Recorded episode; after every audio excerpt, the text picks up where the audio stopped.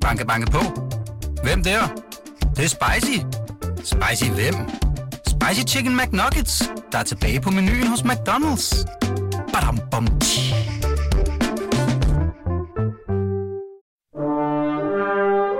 Du lytter til Radio 24-7. Den originale taleradio. Velkommen til Hitlers Æseløer med Jarl Kortua.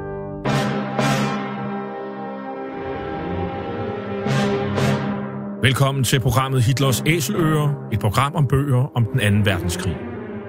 Mit navn er Jarl Kortua.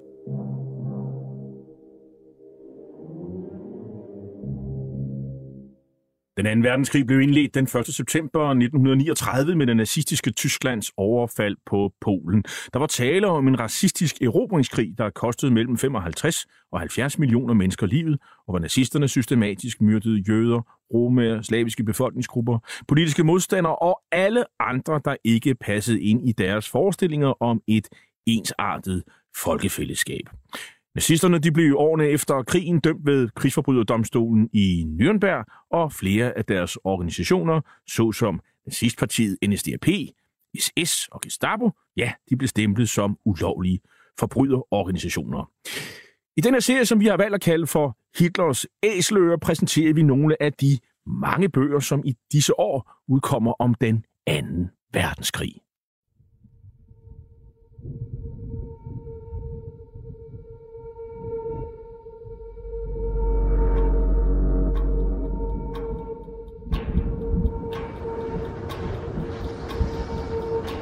The enemy tanks have stopped. Why? Why waste precious tanks when they can pick us off from the air like fish in a barrel?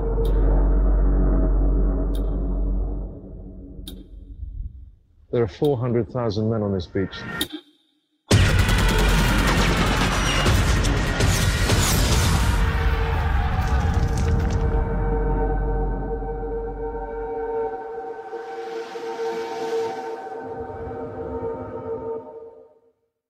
Det vi hørte var lydsporet fra traileren til Dunkirk, en film af instruktøren Christopher Nolan, som gik i de danske biografer i 2017. Og vi hører her til sidst, de britiske soldater på, på stranden ved Dunkirk blev udsat for kraftig maskingeværild fra det tyske jægerfly Messerschmitt Bf 9. Spillefilmen beskriver britternes masseevakuering af de ca. 338.000 primært britiske soldater i det, der hedder British Expeditionary Forces BEF, eller BEF, i slutningen af maj og begyndelsen af juni 1940. I 2008 udkom på forlaget Borgen den seneste bog om denne Operation Dynamo, og hvad der gik forud for, at britterne måtte forlade kontinentet. Den er skrevet af den britiske forfatter og journalist Hugh Seaback Montefiore og har titlen Don Kirk, kamp til sidste mand. Og nu skal jeg byde velkommen til dig, Ole Sten Hansen. Velkommen igen til programmet. Du er jo selv forfatter, blandt andet til bogen Bombemål Berlin, som vi indledte hele Hitlers Æseløer-serien med. Og du har også været gæst i programmet vedrørende din bog om Østpreussens undergang. Du har oversat Hugh Sebag Montefiores bog om Dunkirk, og du kender til dagens emne. Situationen på Vestfronten efter krigsudbruddet i september 1939, ja, den blev betegnet som The Phony War, fordi der skete ikke ret meget, selvom der var 400.000 britiske soldater bag det, der hed Maginot-linjen. Allerførst, hvad er situationen øh, i efter krigsudbruddet og frem til, at kamphandlingerne øh, for alvor begynder hen på foråret 1940, Ole Sten Hansen? Den er, at øh, der ikke rigtig sker noget, som du selv siger. Polen bliver hurtigt nedkæmpet i 1939 af, af de tyske styrker, men umiddelbart har tyskerne ikke kræfter til at angribe andre steder. De vælger så i april at sikre sig nordpå ved at erobre Danmark og Norge, og det er især leverancer til Norge, og det er for at, altså leverancer af svensk malm, øh, som kommer gennem Norge til dels. Og så er det for at, at have en kyst ud til Atlanterhavet til en kommende søkrig med briterne. Og så før eller siden, så må kampene komme i gang øh, mellem øh, franskmænd, englænder og tyskere på Vestfronten. Men øh, franskmændenes var jo ikke umiddelbart indstillet på at angribe. De havde forskanset sig øh, bag Maginot-linjen, dette kæmpestore øh, forsvarsværk, som man kan beskrive som en uigennemtrængelig fæstnings- og skyttegravslinje, bygget efter 1. verdenskrig, hvor man bare ikke ville have tyskerne i landet en gang til. Og så englænderne, som er rigtig dårligt forberedt på at føre krig i det hele taget. Øh, for eksempel øh, var en del af panserværnskanonerne, øh, som kom med over med, med BEF i, i starten, øh, der var besætningerne nødt til at sætte sig ned og læse instruktionsbøgerne for at finde ud af, hvordan de skulle affyres. Men når man kigger på, på styrkeforholdet sådan umiddelbart, så, så har vi 144 allierede divisioner, og divisioner, de sådan runde tal, 10.000 mand, øh, give and take, øh, over for 141 tyske divisioner. Øh, der er 3,3 øh, millioner mand, øh, øh, allierede øh, soldater over for 3,35 øh, tyske soldater. Det vil sige igen, nogenlunde lige øh, fordelt. Øh, tyskerne har lidt flere fly, de har 5600 fly, øh, de allierede har 3000, øh, så har britterne nogle meget dårlige britiske, øh, meget dårlige bombefly, det vender vi tilbage til senere hen. Øh, men de allierede har til gengæld 14.000 øh, kanoner, øh, hvorimod tyskerne har 7.300, og og også i, når det kommer til kampvogne, jamen, så har de allierede 3300 kampvogne over for 2400 tyske. Jamen det her, det er jo sådan, øh, altså, og når man tænker på, at den angrebne part skal jo altid have lidt flere øh, styrker end, end forsvaren. Det her, det, det er jo ikke nogen dårlige odds at, at stå over for tyskerne med. Nej, det er det ikke. Og, og de er øh, endda øh, overraskende gode, fordi øh, en hel del af de tyske divisioner, de var nyopstillede med dårlig træning. En hel del af de tyske kampvogne, det var den, der hed Panzerkampfwagen 1 og så 2, øh, som havde tynd pansring. Den ene var kun udstyret med maskingevær, den anden kun med et maskingevær, en 20 mm kanon. Så det er ikke sådan, så at tyskerne havde langt bedre grej i den forstand. Øh, oddsene, må man sige, var, at de allierede skulle kunne stoppe dem. Og englænderne, engelske officerer, englænderne var jo lillebror i det her spil, fransk, frans, den franske her var den store. Englænderne, engelske officerer var opdraget til at egentlig regne med, at den franske her var verdens største, stærkeste og uovervindelige.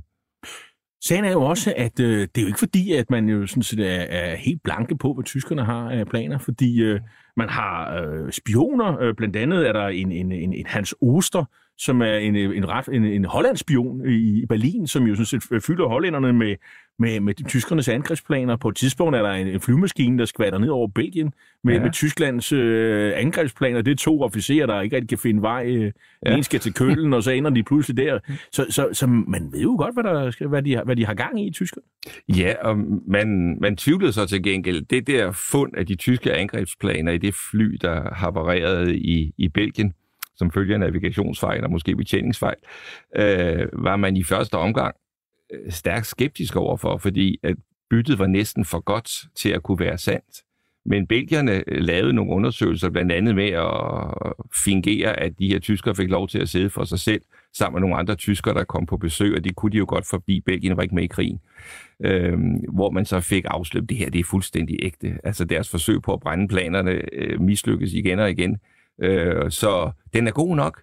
Vi ved godt, hvad, hvad tyskerne vil. Og hvad var de så, hvad var det så klar? Hvad, hvad, hvad, hvad ville de egentlig? Øh, tyskerne, de ville øh, spille deres kort rigtig godt. Øh, når de nu ikke havde flere og bedre, øh, skal vi sige, mere og bedre udstyr, jamen så må de spille på at splitte de allierede styrker. Og øh, de allierede øh, englænder og franskmænd, de øh, ville udkæmpe en krig i Belgien. Frankrig var rigtig interesseret i at udkæmpe en krig i Belgien, hvis det kom til stykket, for de havde jo lige 22 år forinden øh, i Første Verdenskrig udkæmpet en krig, som havde ødelagt store områder i Nordfrankrig. Så Frankrig var interesseret i at rykke op i Belgien, fordi man regnede med, at tyskerne kom gennem det nordøstlige Belgien. Og, og englænderne skulle så følge med. Altså, de stod jo under fransk kommando i, i, øh, men det er belgierne ikke interesseret i, øh, fordi belgierne var officielt neutrale sammen med hollænderne, ja.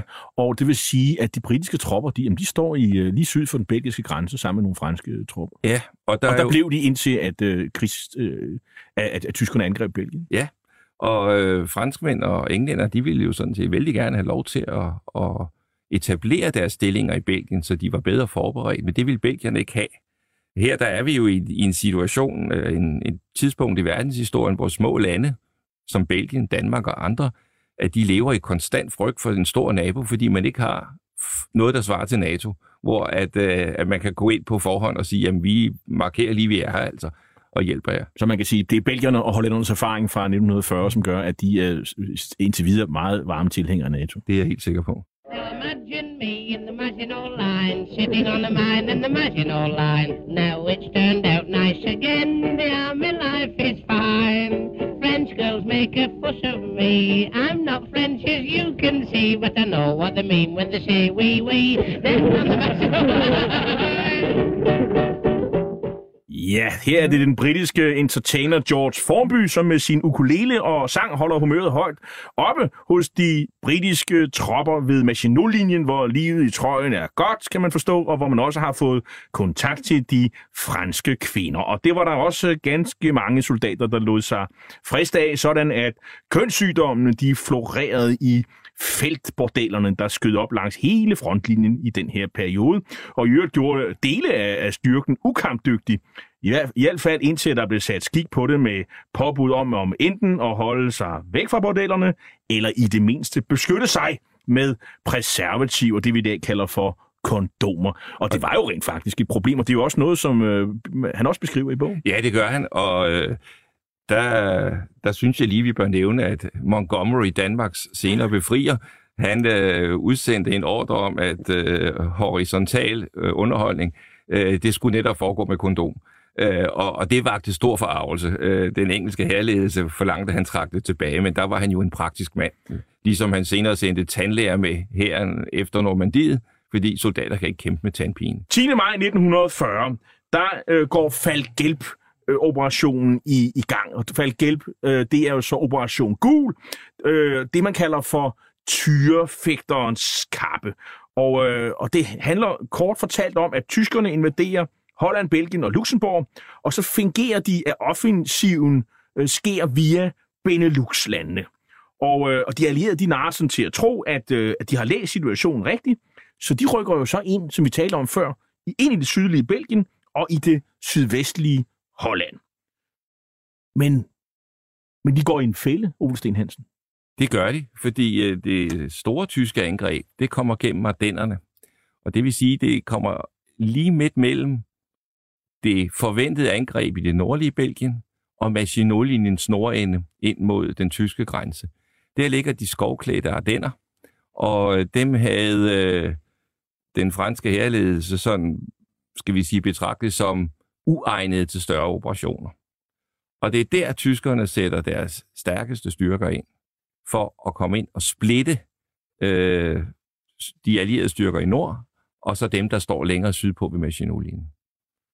Og billedet med tyrefægterens kappe, det kender vi. Det er sådan en rød, han står, og så Ja. tiger en tyr, og det vil sige, det er tyskerne, der er tyren i virkeligheden. Nej, Nej, det, det- er tyskerne, der er tyrefægteren. Ja, ja. Og, det er, og, og, og, og tyren er naturligvis de allierede styrker. Ja, som rykker lige op efter, efter det røde kappe, og så sker der noget vigtigere og farligt øh, bag dem, og det opse- opdager de ikke. Og det er jo også, øh, det er også nogle, skal vi sige, man, man skal ikke underkende sådan en afledningsmanøvre som, som det rene ingenting, fordi de folk, der har været involveret, der var det dramatiske og, og, og seriøse opgaver. For eksempel at erobre det her store belgiske fort, hvor at tyskerne landede på øh, det her anlægget med græsvolde og bunkers øh, med angrebsvæveplaner.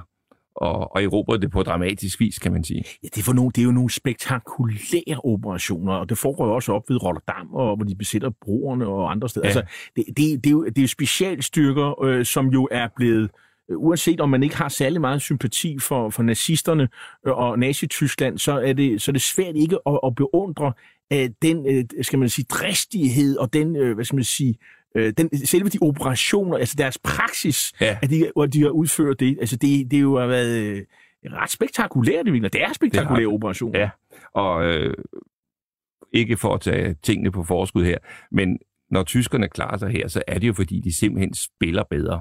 De, de, øh, de er dygtigere til den her øh, krigsførelse, som man kan gennemføre i 1940.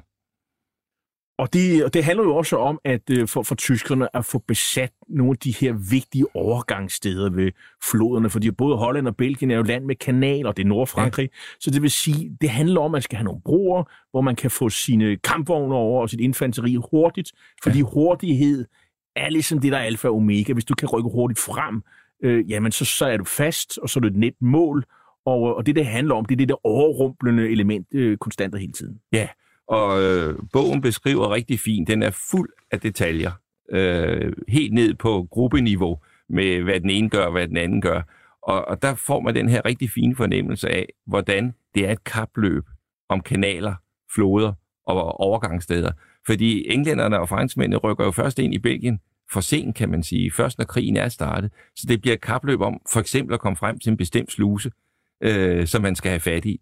Og der er det timer, der er afgørende nogle gange. Og det er de enkelte små grupper af soldaters dristighed, øh, kampvilje, som afgør, om det bliver den ene eller den anden, der får slusen. Og man kan sige, der er jo heller ikke en helt stor vilje, i, i hvert fald i starten, til at springe de her broer og infrastruktur, ødelægge infrastruktur, da de allierede ligesom finder ud af, at øh, jamen, øh, vi bliver presset tilbage, overmagten er simpelthen for stor, øh, så nu gælder det om at sætte måske et område under vand eller andre ting. Altså, det har man ikke så stor lyst til. Øh, og det spiller tyskerne selvfølgelig også på, for ja. det skal bare fremad. Der er jo en belgisk bro, som, som beskrives i, i, øh, i bogen, hvor at øh, de går og diskuterer, om den skal springes i luften, fordi øh, jamen, der er kun tre tyskere på den. Er det så nok?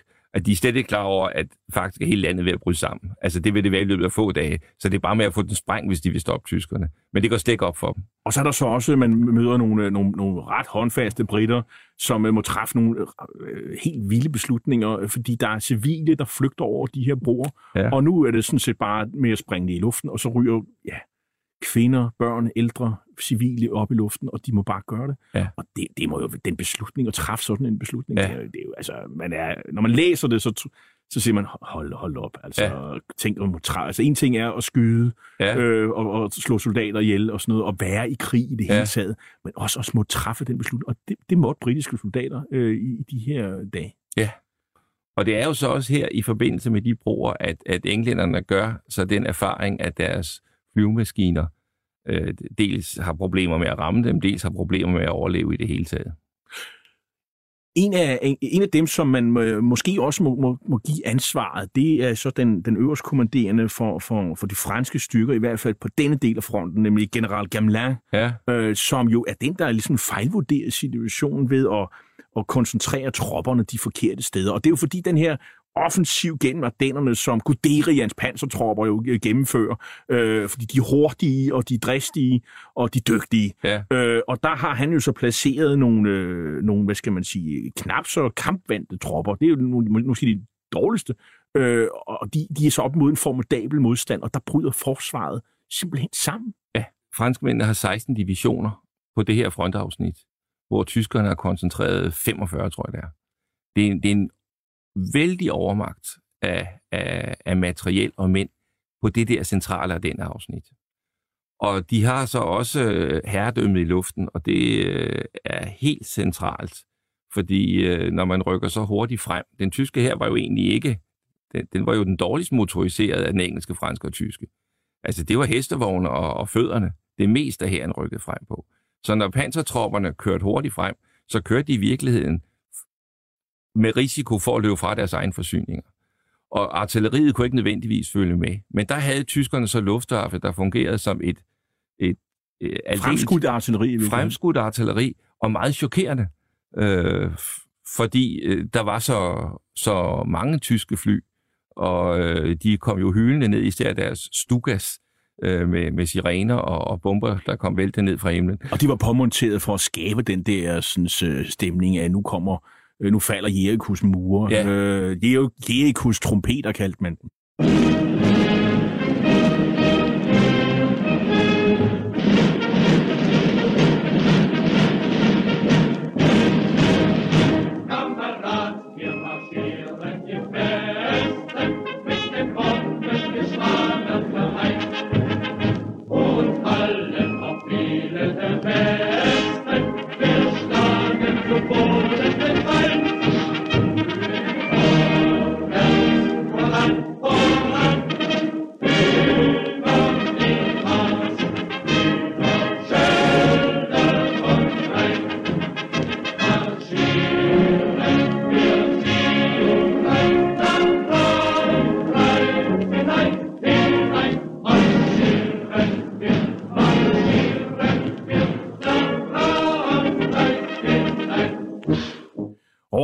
Med Schelte og Mars marcherer vi sejrige ind i Frankrig, synger de tyske soldater i den såkaldte Frankreichlied Og den påstand må man jo sige, at de har noget at have i.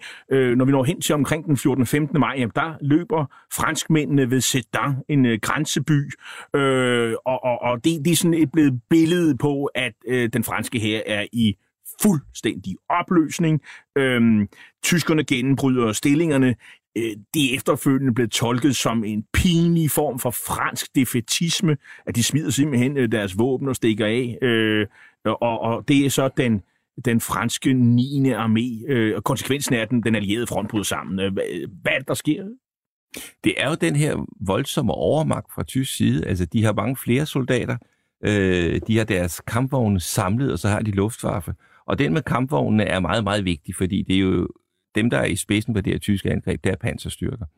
Og i, de, øh, i den franske her, til dels også i den engelske, øh, der opfatter man kampvognen som en, et infanteristøttevåben, i den forstand, at man har spredt kampvognene ud på de forskellige divisioner, hvor de skal støtte infanteriet, faktisk som de gjorde i Første Verdenskrig, hvor man skulle have nogle kanoner og maskingeværer frem mod de fjendtlige skyttegrave, uden at de sådan udenbart kunne sættes ud af spillet.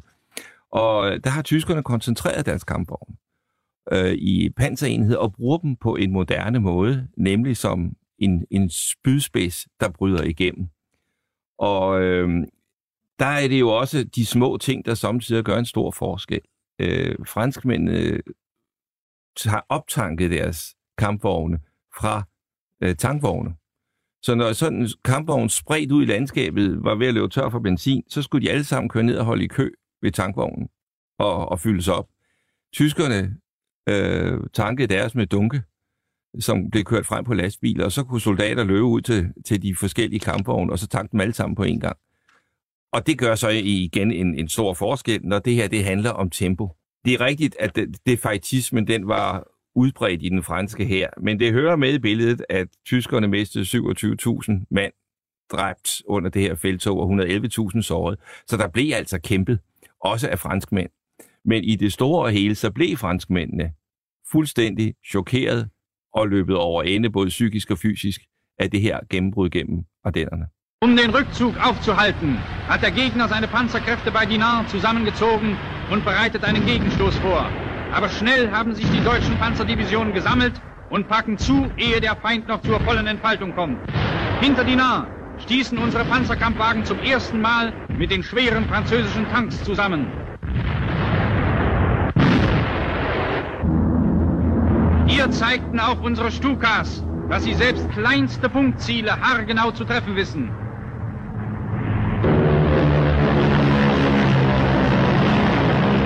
Das blieb von den französischen Panzern übrig. Ein Feld voller Trümmer. Diese Tanks wurden von den Franzosen für unverwundbar gehalten. Man kannte allerdings nicht die Durchschlagskraft der deutschen Waffen und den Geist unserer Panzerschützen. Ja, det er den tyske urevy, som jo stolt fremviser resultatet af, af den tyske blitzkrig her, hvor, hvor det ellers øh, tyske, øh, franske panservåben ligger i ruiner og bliver fremvist som sådan et trofæ for, hvordan øh, at øh, Stukas og, og, og, og, og, og Guderians, øh, hvad skal man sige, 19. panserkorps, der bare øh, vælter der ud af over, over stepperne, øh, at de ligger som, som, som en trofæer, kan man sige, i, i virkeligheden. Men franskmændene havde jo ellers en ret god, kraftig kampvogn. Altså, det var jo ikke dårligt materiel, øh, og det går galt på gang på gang. Øh, du har været inde på det der med brændstofsituation, der er noget logistik, der simpelthen er for tåbeligt øh, i den situation, de er i, og det, har, det er et problem, som tyskerne har løst, løst meget bedre. Men det er også en grundlæggende dårlig og det er også det, det er sådan, gennemgående i hele ja. bogen, dårlig kommunikation, der er, ja. især i, i, i, i, i den franske her. Og det findes på mange planer. Altså, hvis du går ned i kampvognen igen, så øh, er der faktisk flere mænd i en tysk kampvogn, end der er en fransk. Den franske kampvognskommodør skulle også lade kanonen. Øh, det fratager ham jo en del af overblikket, fordi han skal bruge tid på det der. Øh, kommunikationen, de, frans, de tyske kampvogne imellem var bedre. Øhm, tyskerne lagde deres træning lige så meget vægt på at kommunikere kampvogne imellem, som de gjorde på at skyde rigtigt. Og øh, tyskerne anvendte også det, man i dag vil kalde fax eller Forward Air, Air Controllers, altså folk, der rykker frem med hæren på jorden og øh, udpeger målene for flyene og kommunikerer med dem med radio. Fordi det er svært for folk på jorden uden kendskab til, hvordan verden ser ud fra luften. Hvis man siger, det er det der over bag skoven, så kan piloten se 10 skove. Man skal finde nogle træk i landskabet, så man kan beskrive målets position fra. Og, og den slags der kommunikation øh, på det lave niveau gør selvfølgelig en forskel. På det højere niveau, så gør det en forskel, at øh, den engelske øverstbefalende Gord, hvis man ikke altid hvor var, han flyttede sit hovedkvarter tvunget af omstændighederne, øh, og han var rundt til sine forskellige korpschefer, og det var ikke altid, man kunne få fat i ham. Og øh, den generelle kommunikation mellem franskmænd og englænder var ikke ret god. Og det handlede også meget om politik i virkeligheden, fordi franskmændene ville bestemme, og det var ja. dem, der havde overblikket. Ja. Og, men, det, men det vender vi jo så også tilbage til senere. Hvad, hvad egentlig øh, Guderians strategi, efter han nu har øh, brudt igennem de, de franske styrker? Hvad, hvad, ved han, hvad han, hvor han skal hen? Han skal ud til kanalen, sådan så at øh, den engelske her, altså den engelske øh, ekspeditionskorps i Belgien og de franske styrker, der var med, øh, de øh, bliver afskåret, fordi det her det handler jo meget om forsyninger. Det er store grupper af mænd og, øh, og materiel, og de skal forsynes med benzin, mad og ammunition og alt muligt andet. Så når de bliver afskåret i den, det nordlige Frankrig og Belgien, øh, så går der ikke ret lang tid, så er de færdige. Og det er for at få afskåret dem, at de vil frem til kanalen.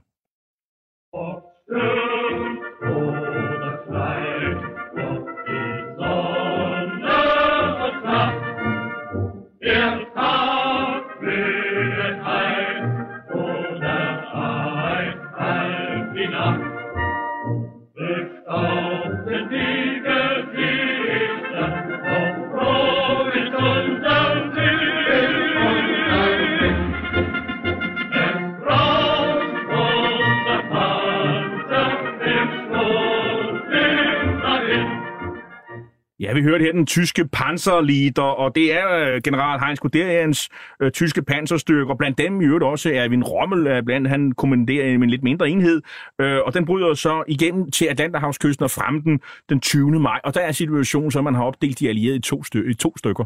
Altså man har en, en britisk-fransk styrke, skal man sige, nord for det område, man har, altså, altså den kile, man har smidt ind, og så en styrke syd øh, for. Øh, det vil sige, at man har opdelt fjenden i, i to forskellige her, der ikke kan kommunikere med hinanden, kun via havet i virkeligheden. Men så sker der pludselig noget. Fordi øh, så dikterer den øverste øh, tyske ledelse jo undervejs et, øh, et stop øh, den 24. maj. Og det er formentlig afgørende for, at, at tyskerne, at, at britterne øh, formår at evakuere øh, styrkerne sidenhen. Hvad, hvad er det, der sker, øh, Ole Sten øh, Hansen? Hitler og dele af den øverste tyske ledelse, de bliver bange for, at øh, de her panserspidser længst fremme, at de kan blive afskåret. Det er ikke en, en urimelig frygt, øh, fordi de var rykket så hurtigt frem, at de må have været fremme foran og f- væk fra store dele af deres forsyninger.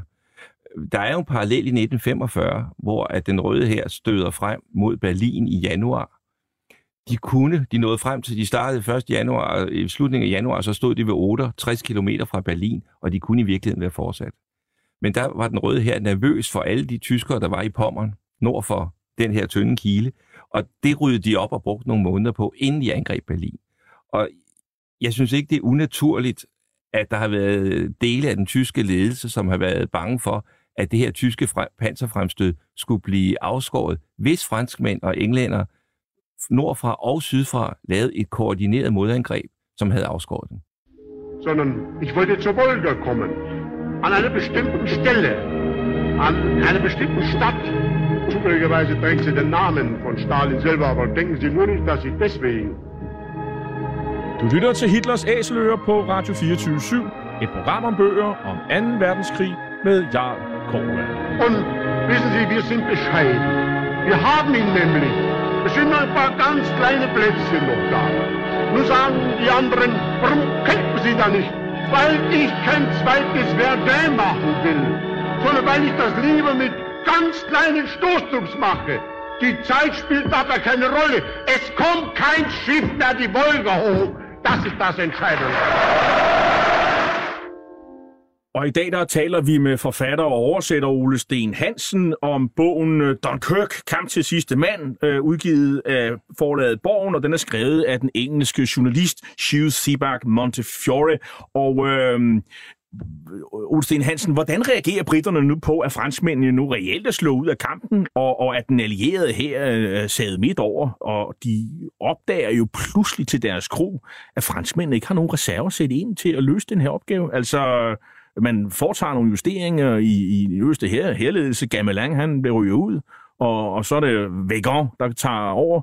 Øh, det er jo meget interessant, alle franskmændene, de har sådan nogle øh, tysk, tyske navne, som Hunziker og Altmaier og sådan noget. øh, det er lidt pudsigt, de kommer sikkert fra Alsace-området, tænker ja. jeg. Men, men øh, det, det, det går faktisk op for, for, for britterne nu, at øh, de skal til at gøre noget. Ja. De beslutter sig ret hurtigt til, at hæren skal evakueres og den skal evakueres fra Dunkirk.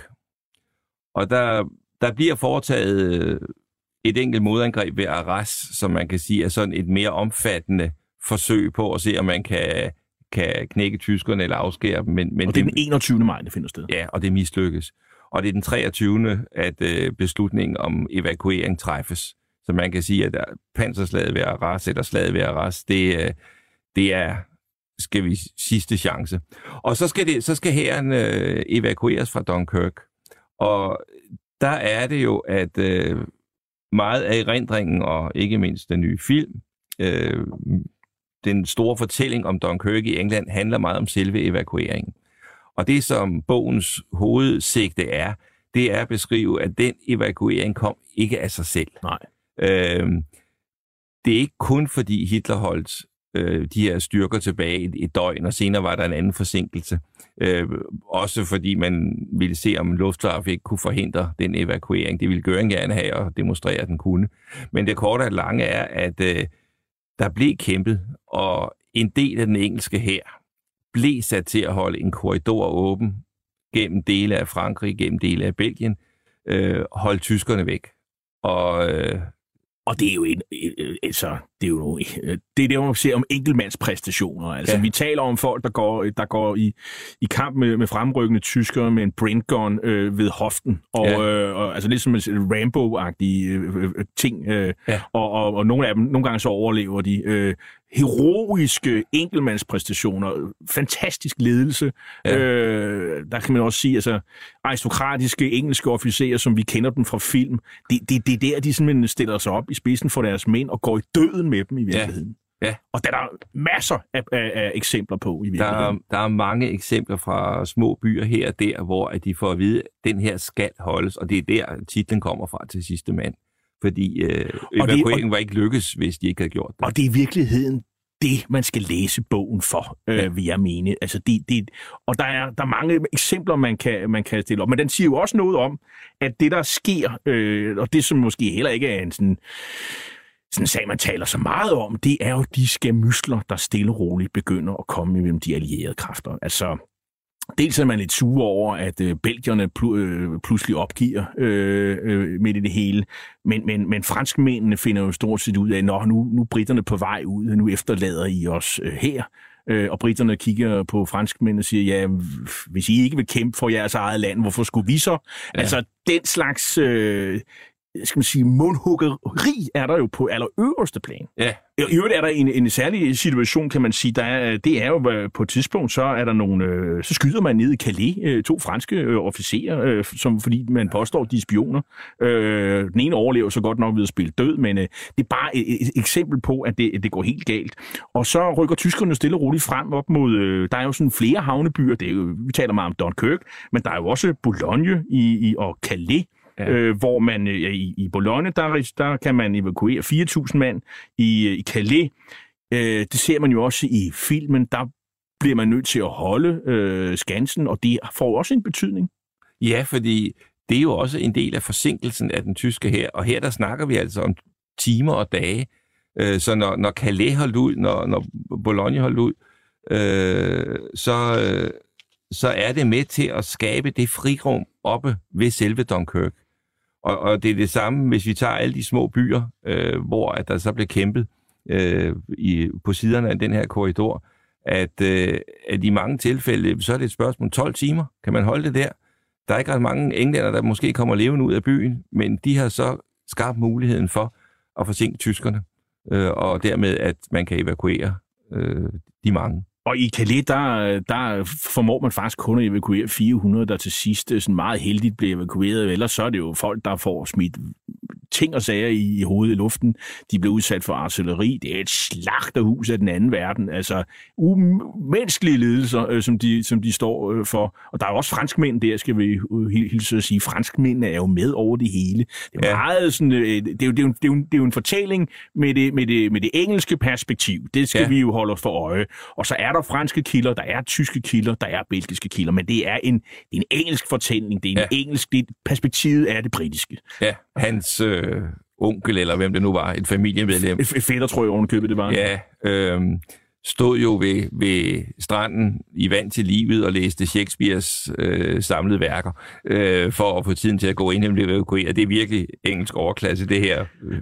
Men den 27. og 28. maj, der er tyskerne så tæt på Dunkirke, de kan, de kan se øh, byen, og, og, øh, og der er man jo allerede i, i fuld sving med, med evakueringen. Øh, vi skal også tage med, at tyskerne jo, og især SS jo øh, undervejs begår nogle voldsomme krigsforbrydelser, øh, både på, på britiske soldater, men også belgiske israelske civile. Øhm, altså, det er så, så naturligvis skulle man, fristes man til at sige SS, der er specielt øh, grimme. Øh, Totenkopf-divisionen begår øh, øh, nedskyder britiske soldater, ja. og øh, Leibstandarte Adolf Hitler, en anden division, ledet af Sepp Dietrich, øh, begår også de her overgreb, plus at belgiske civile bliver meget ned. Ja, og de bliver også, altså det, der er også talt om sadistisk behandling, altså engelske soldater, der får smidt geværkolber i hovedet, efter de har overgivet sig, og bliver skudt ned og inde i en lade, der bliver smidt håndgranater ind til dem. Og de belgiske civile, der bliver samlet og skudt lidt efter lidt mænd først, og så kan konerne ligge på, på jorden, og så vente på, om, om de også skal blive det, og, og det bliver de så jo ikke altid. Men øh, man, kan over, man kan virkelig undre sig over det her, øh, og jeg kunne egentlig godt have tænkt mig at se nogle forklaringsbud på, øh, hvor den sadisme kommer fra. Man kan sige, at de, de, nogle af de her folk kommer jo fra, fra Polen, hvor de jo ligesom har frit slag, øh, kan man sige, at, at behandle øh, polakkerne. Så, og, og det, det, altså de har, de, de, nogle englænder får den samme behandling, især de situationer, hvor, hvor britterne har, øh, har ydet stærk modstand. Altså, ja. altså de henrettelser, der sker øh, af, øh, af, af, af, den, af den belgiske civilbefolkning, det er et, en, en belgisk enhed, øh, som jo har ydet meget hård modstand. Det var de ellers ikke, øh, gjort ikke alle steder i den belgiske her, men her gjorde de virkelig en indsats, og, og det gik så ud over civilbefolkningen. Øhm, øhm, der er også en anden ting, vi, vi, vi skal tale om. Øhm, det er de her antitankrifler, som man hele tiden hører om, at når, når, når det tyske panser ruller, jamen så, så stiller man sig op med en, en antitankrifle, der, øh, der sker, det kommer ikke så meget ud af. Der er, der er et mangel på, på, på panservåben i virkeligheden. Det er et træk ved kampen i 1940, at det er meget lettere for kampvognen at rykke frem, end det var sidst i krigen. Og en af de allervigtigste årsager, det er, at man ikke har de her håndbårende, effektive øh, panserværnsvåben, som Panzerfausen i, i Tyskland, bazookaen øh, på den allierede side. Øh, så på den måde, der var der ikke så mange våben, der kunne bekæmpe panserstyrker. Øh, sidst i krigen, der kunne der være panser, i, især Panzerfausen i Tyskland, som jo var primitivt et engangsvåben, men den fandtes i, i 10.000 vis, spredt ud mellem sine og, og soldater. Og det gjorde det altså betydeligt vanskeligt at rykke frem med panser sidst i krigen. Vi skal nu op og flyve med en tysk bombeeskadrille og jægerbombeeskadrille over Dünkirchen, som Dunkirk hedder i, på tysk, i et selskab med tysk urevy. Achtung! Das Ziel im Raum von Dünkirchen ist erreicht. Alles ist angriffsbereit. Die Bomben sausen in dichter Folge zur Erde nieder. Treffer sitzt neben Treffer.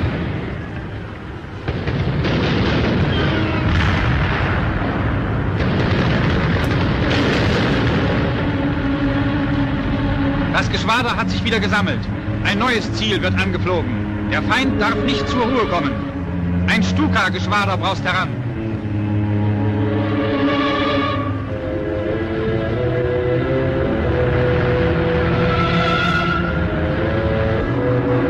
Die Maschinen kippen ab und greifen an.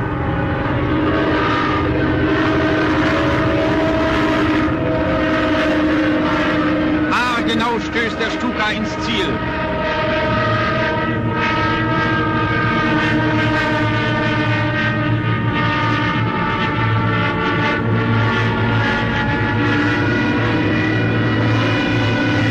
Abbruch!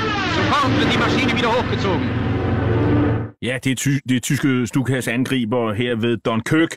Øhm, hvordan organiseres øh, evakueringen, Ole Sten Hansen? Den organiseres især fra havnen i Dunkirk, øh, og især ved en lang mole, som også optræder i filmen. Den kender vi godt derfra. Øh, det er over to tredjedel af de evakuerede, som kommer ud over den mole der. Men der er ikke øh, der er brug for mere udskib, eller andre udskibningssteder, og der bruger man simpelthen stranden, hvor at man så har brug for små både, der kan sejle soldaterne ud til, til de større destroyer især, som kan have 900 mand med hver. Og der står englænderne pænt i lange rækker og venter på at blive evakueret. Et utroligt syn, den disciplin, der er der, og, og skal vi sige, den vilje til at få det til at skride. Og samtidig med, så skal de så finde sig i, at de bliver beskudt med, med, med jægerfly og bombefly, der smider ting og sager ned i hovedet. Ja, og det, det, det var jo... Göring, han mente jo, øh, at øh, det her, den her lomme ved Dunkirk og, og skibene, at, at hans luftwaffe kunne klare det. De havde jo også lige klaret en hel del under kampene i Frankrig. Men det var ikke sidste gang at, i krigen, at Göring lovede for meget. Men det, jeg synes lige, det hører med, at øh, hvis vi taler tal, og vi skal ikke have for mange, men der var 861 skibe med alt i alt ved evakueringen fra Dunkirk. 243 af dem blev sænket. Så det er en fjerdedel. Ja, ja, ja måske endda lidt mere, men, men, øh, men det er i hvert fald så mange, så at man kan sige, at de tyske flyver og, og ubåde, men især flyverne, de har altså haft held med at sænke en stor Og- del af flåden. Og de gik også ud over Royal Navy, altså 38 destroyer sætter man ind, og man, man mister 6 beskadiget Ja. ja. 26. Øh, der er også ubåde, der opererer her, det skal Ja. man huske på. Øhm, øh, man har tysk flyoverlegenhed, øh, Øhm, og så øh, en anden ting, en lille detalje, det er jo de her moler, man, man anlægger, hvor man kører alle de her lastbiler ud på strandene, Ja. og, så, og så skyder man dem i hjulene, og, så, og, og de har noget tungt med ombord, så man kan synke ned, og så lægger man ellers nogle træplanker ud, og så har man mole. Det er den, Ja. en, en, en, en primitiv mole, kan man sige. Det, det, det havde jeg ikke set før. Og så er der de her sejlruter, som jo ofte er meget lange, altså op til Ja. ja. 161 km, hvor man skal undgå minefelter og sandbanker og tyskernes langtrækkende kanoner, fordi man skal huske på, at det er jo ikke mange kilometer øh, lomme, man har.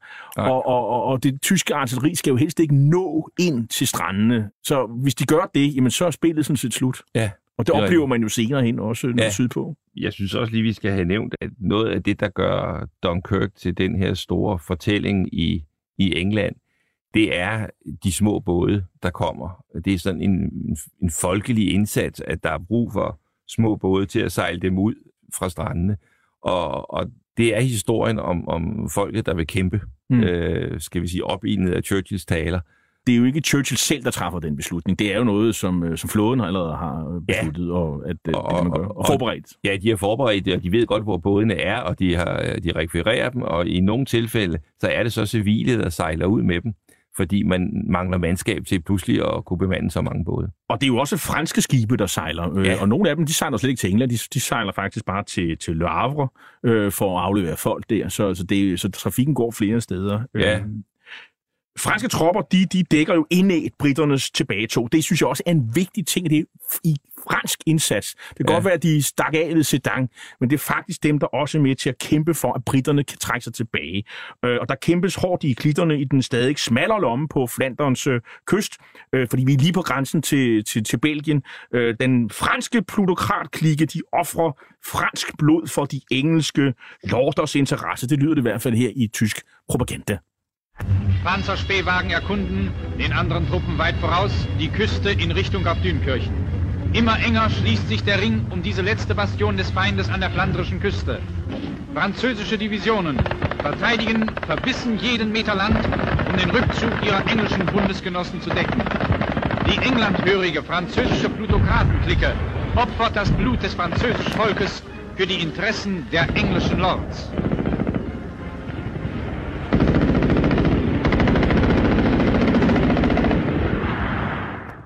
Franskmændene, de, som vi var inde på før, de, de er rasende, fordi de vil ikke bare holde fronten, mens øh, de britterne blev evakueret. De vil også evakueres.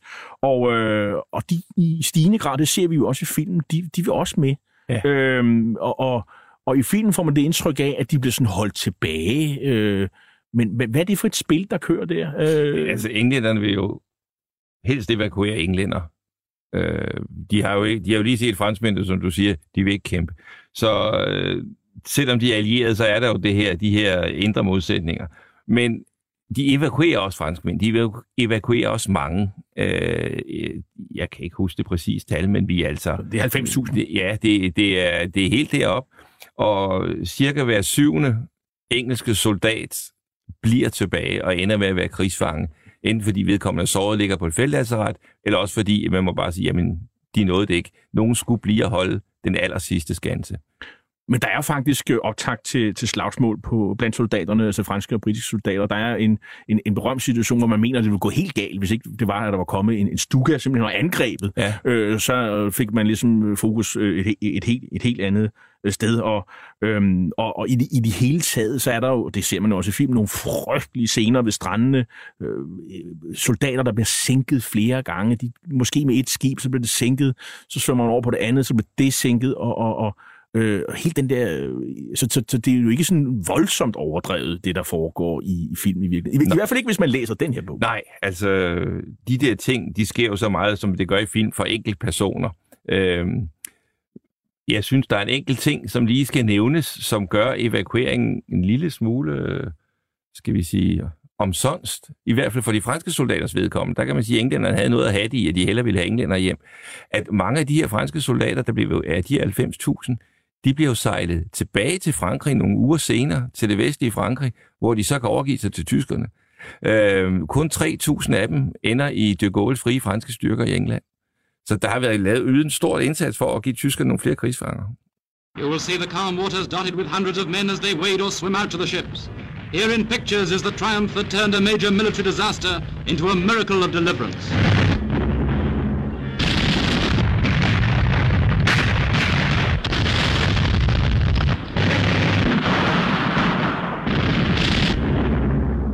Here, in one staggering shot, the Allied armies come out from the shore.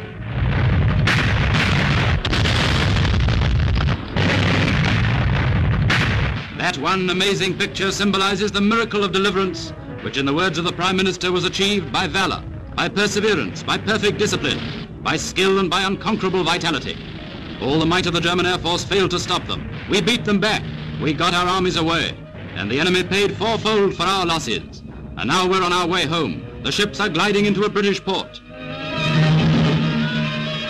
Ja, det er britisk propaganda, der fortæller glædestrålen om, øh, at britiske skibe er på vej ind til Dunkirk for at hente tropperne hjem. Og, øh, og den 3. juni kl. 3.05, der bliver de sidste evakueret fra Dunkirk strande. Det er den franske destroyer Shikari, øh, som øh, tager sted, og så dropper man efterfølgende øh, aktioner, simpelthen fordi det blev for farligt på grund af tysk artilleri, der nu kan nå øh, strandene. Miraklet ved Dunkirk har man kaldt øh, det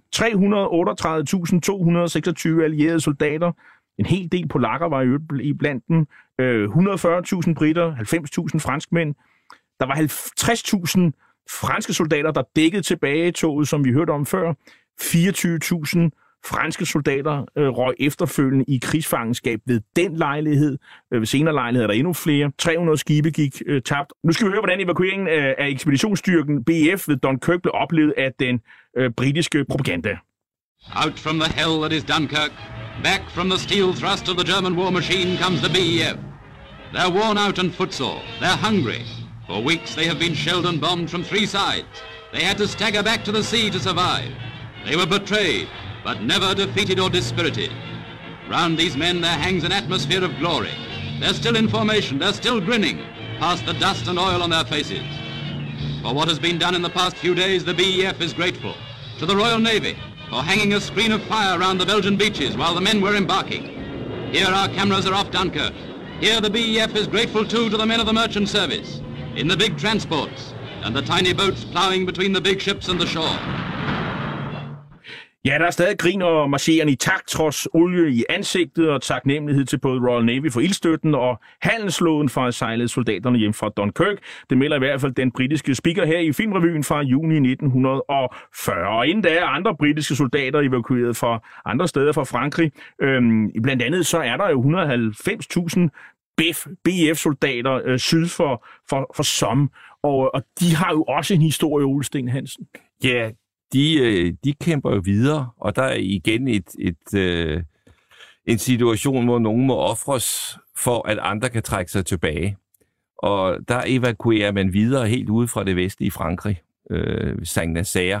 Der har man jo en stor skibskatastrofe, som, som finder sted efter, øh, efter Dunkirk. Det er Cunard-lineren Lancastria, som er blevet øh, indskrevet til at evakuere. Den har været brugt op ved Norge først, hvor den har evakueret engelske soldater hjem fra et mislykket feltog der, og den bliver så sat til at sejle øh, folk hjem øh, fra, fra det vestlige Frankrig.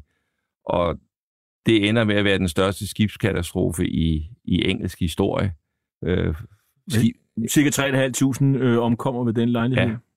Og det, det er også et kapitel, der er rystende at læse. Altså, ja. øh, altså hvor folk bliver slået ihjel. Folk de kaster sig ud i håb om at ramme vandet, og så rammer de øh, skibe, der krænger over. Og, og, og folk, der, altså det, der, jeg tror også, at måske nogle af scenerne i, i filmen er inspireret derfra. Folk kan kigge ned gennem koøjerne og se, at folk øh, øh, drukner indvendigt fra og sådan noget. Det det er virkelig, virkelig hårdrejsende ja. læsning. Men det lykkedes jo også at evakuere nogen øh, derfra.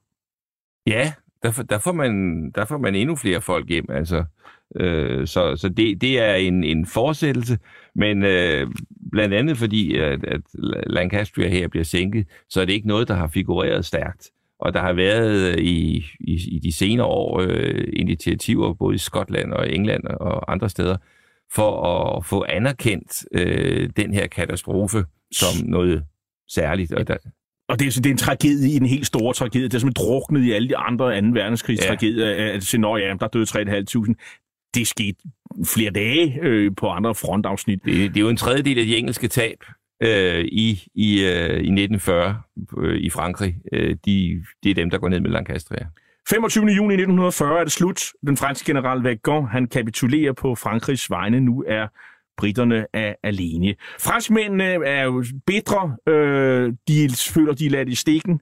Man finder jo sammen senere hen, øh, gudskelov. En konklusion her til sidst, Olsten Hansen, Dunkirk, øh, sejr eller nederlag, det bliver vel fejret som en sejr? Den bliver, den bliver næsten fejret som en sejr. Øh, af britterne? Af britterne, ja. Dunkirk er et element i Englands helt store bidrag til sejren i 2. verdenskrig. Øh, det er det på den måde, at de holdt ud. Øh, uden, hvis evakueringen ikke havde fundet sted, så havde der stort set ingen engelsk her været tilbage, og det kunne have fået England til at give op. Det næste element i det her, det er slaget om England, som jo også, det var ikke en sejr i den forstand, det var, at de undgik at tabe krigen, for tyskerne vandt den ikke. Så i 1940, takket være Dunkirk, takket være slaget om England, takket være Churchills taler, der får England muligheden for at holde ud, og har viljen til at kæmpe videre, selvom der ikke er udsigt til, at de kan vinde den krig. Så får de lidt hjælp af russer og amerikanere senere. Men, men selv Churchill havde så meget selvindsigt, at han sagde, at krige vindes ikke ved evakueringer. Tak til dig, Ole Sten Hansen. Du er forfatter og oversætter, og du kom her og talte med mig om, om den britiske journalist og forfatter Hugh Sebag Montefiores bog Dunkirk, Kamp til sidste mand, som du har oversat, og den er udkommet på Borgens forlag. Hitlers æsler er slut for i dag.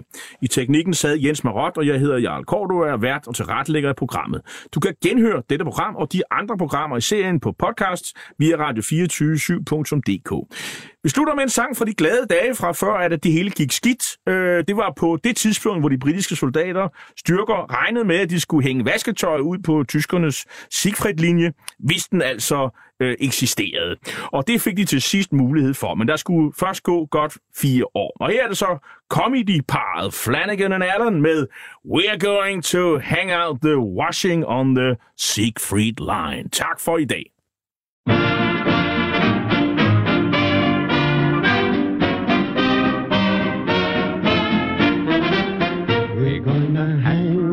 The washing on the Siegfried line. Have you any dirty washing, mother dear? We're going to hang out the washing on the Siegfried line, cause the washing day is here. Whether the weather may be wet or fine, we'll just rub along without a care. We're gonna hang out washing on the Siegfried line, if that Siegfried line's still there. Banke, banke på. Hvem der? Det, det er spicy.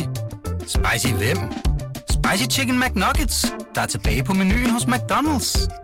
Badum, bom,